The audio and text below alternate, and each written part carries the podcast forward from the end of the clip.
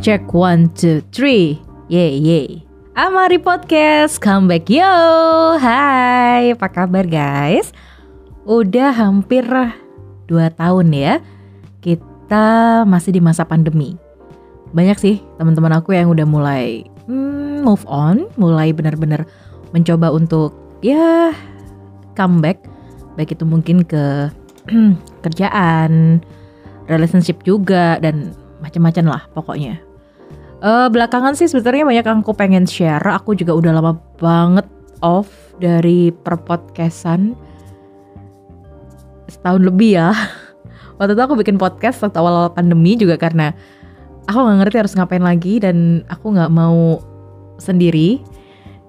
Tapi ternyata kesalahanku adalah aku tidak melanjutkan podcastku. Nah sekarang aku sebenarnya pengen ngelanjutin lagi sih. Cuman ya aku usahain lah bisa konsisten. Itu penting banget konsistensi. Um, masih random aja, belum ada eh, hal-hal uh, apa ya yang aku pengen um, ceritain. Tapi yang pasti aku cuman pengen bagi vibe positif aja sih ketika banyak teman-temanku yang ternyata pandemi ini mereka bukannya down tapi benar-benar uh, bangkit banget gitu. Aku ketemu dengan orang-orang keren, aku ketemu dengan orang-orang yang good vibe banget, yang positif vibe banget gitu ya. Hmm, dan orang-orang yang malah dari pandemi itu bisa benar-benar menghasilkan pundi-pundi rupiah gitu. Mereka malah sukses dengan bisnisnya. Mereka malah bisa memberikan banyak contoh yang baik dan positif uh, di masa pandemi. Dan mm, aku sih ngerasa kalau ternyata pandemi itu kalau kita mau belajar ya itu bisa ngajarin kita banyak hal. Honestly aku kemarin tuh sempet ngerasa kayak yang wah kacau banget nih kayaknya secara finansial tuh. Aku ngerasa kayak yang uh, kok kayaknya aku begini kok kayaknya aku begitu. Tapi aku bersyukur di situ aku dapat pelajaran besar banget. Aku masih bersyukur di masa pandemi ini aku masih bekerja aku masih punya job yang jelas dan aku masih ngedapetin hmm, salary bulanan. Nah itu yang harus disyukuri. Karena banyak juga beberapa temenku yang cerita ternyata dia udah nggak kerja lagi ternyata dia udah uh, resign atau bahkan di PHK nah di sini aku ngerasa kayak ketampar banget kan. Harusnya kita bersyukur nih. Bersyukur karena kita masih punya pekerjaan yang tetap. Tapi di situ juga aku ngambil pelajaran penting banget karena kemarin ketemu dengan salah satu financial planner bang uh, salah seorang financial planner narasumberku sebetulnya. Di situ aku belajar memang sih uh, kita harus mengakui dulu kesalahan finansial kita. Ketika uh, finansial kita berantakan itu benar-benar bikin kacau banyak hal banyak hal yang akhirnya aku kacau balau. Harusnya aku udah bisa goals uh, bikin sesuatu atau punya sesuatu, tapi ternyata uh, gara-gara kesalahan penataan dan pengaturan keuangan, aku akhirnya nggak sampai ke goals yang aku pengenin. So aku kemarin bener-bener yang healing dulu, aku bener-bener maafkan. Ya udah aku minta maaf sama diriku sendiri, minta maaf sama keuanganku tentunya. Sampai akhirnya ya aku sadari aku harus mengubah kembali. Banyak ngobrol uh, selain financial planner juga soal hidup sederhana, soal soal memanfaatkan juga barang-barang di sekitar dan segala macamnya. Di situ tuh kayaknya Tuhan udah kasih aku rambu-rambu gitu loh. Eh Nanda lu harus ke sini. Eh Nanda kamu tuh harus begini-begini. Kamu ketemu sama orang ini harusnya kamu bisa dapet ilmu ini. Nah, finally aku coba untuk berdamai dengan itu semuanya aku di sini nggak ada niatan untuk ngajarin atau apa pun karena aku juga masih belajar karena ini juga masih step awal aku banget.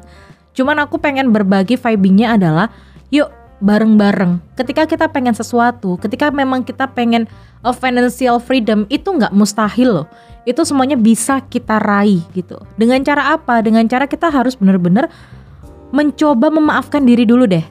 Minta maaf sama diri sendiri kalau memang selama ini kita boros, selama ini kita hedon, selama ini mungkin kita uh, menghambur-hamburkan uang ya hanya untuk kesenangan belaka gitu tapi nggak punya tabungan segala macam itu kita harus jujur dan kita harus minta maaf sama diri sendiri honestly aku benar-benar nggak punya tabungan sepeser pun nggak punya karena semua gajiku tuh habis cuman buat bayar cicilan cuman buat uh, bayar kebutuhan pokok dan untuk hedon itu fatal banget.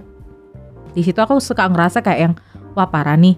Tapi akhirnya aku sadari, aku coba hitung lagi, aku coba arrange lagi. Memang beberapa financial planner kan ada beberapa trik cara bagaimana persentase untuk kita bagi-bagi duit gajian kita. Cuman uh, aku mencoba untuk menghitung dengan caraku sendiri karena aku yang tahu berapa gaji yang aku dapetin, berapa pengeluaran yang harus aku uh, bayarkan, berapa uh, pos juga untuk A, B, C dan E. Tapi memang rumusnya dari dari mereka dan persentasenya sih kita yang tahu ya. Sampai akhirnya aku bikin planning setahun ke depan, setahun ke depan itu aku harus ngapain, aku harus uh, nutup kredit cardku harus banget itu penting banget tuh. Jangan sampai deh. Udah deh kalau misalnya ada di antara kalian yang masih punya kartu apa kartu kredit dan segala macem better kayaknya hmm, tutup aja. Kalau emang masih ada tanggungan lunasin. Kalau emang uh, kalian nggak bisa langsung lunasin cicil aja dengan jumlah yang jangan sampai jumlah minimum ya. Pokoknya itu tutup dulu. Itu harus jadi target kalian. Itu harus jadi bener-bener yang utama. Terus sama nabung ini uh, apa namanya uang darurat atau dana darurat. Itu penting banget guys. Dan aku ini pelajaran singkat ya, pelajaran singkat banget soal dana darurat yang aku tahu dari salah salah seorang financial planner yang aku ikutin dan narasumberku juga. Nanti aku kasih tahu deh kalau kalian japri aku ya. Kalau kalian japri japri aku aja nanti aku kasih tahu siapa financial plannernya yang aku anut gitu. Jadi intinya um, di rumusnya itu kita bisa saving tiga kali pengeluaran dulu deh. Itu juga aku lagi coba. Nah which is pengeluaranku dengan gajiku itu sama gitu. Akhirnya aku memutuskan untuk ya udah deh uh, aku ambil tengahnya aja gitu. Aku ngebuletin aja sih sebetulnya jadi ada uh, gaji aku dikalikan tiga sama dengan berapa puluh juta.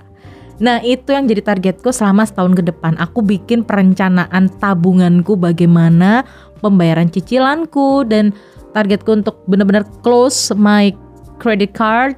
Akhirnya ketemu satu tahun ke depan mulai dari September sampai September 2021 sampai September 2022 aku tuh udah nge-planning uh, pokoknya udah nggak ada yang namanya lagi cicilan-cicilan.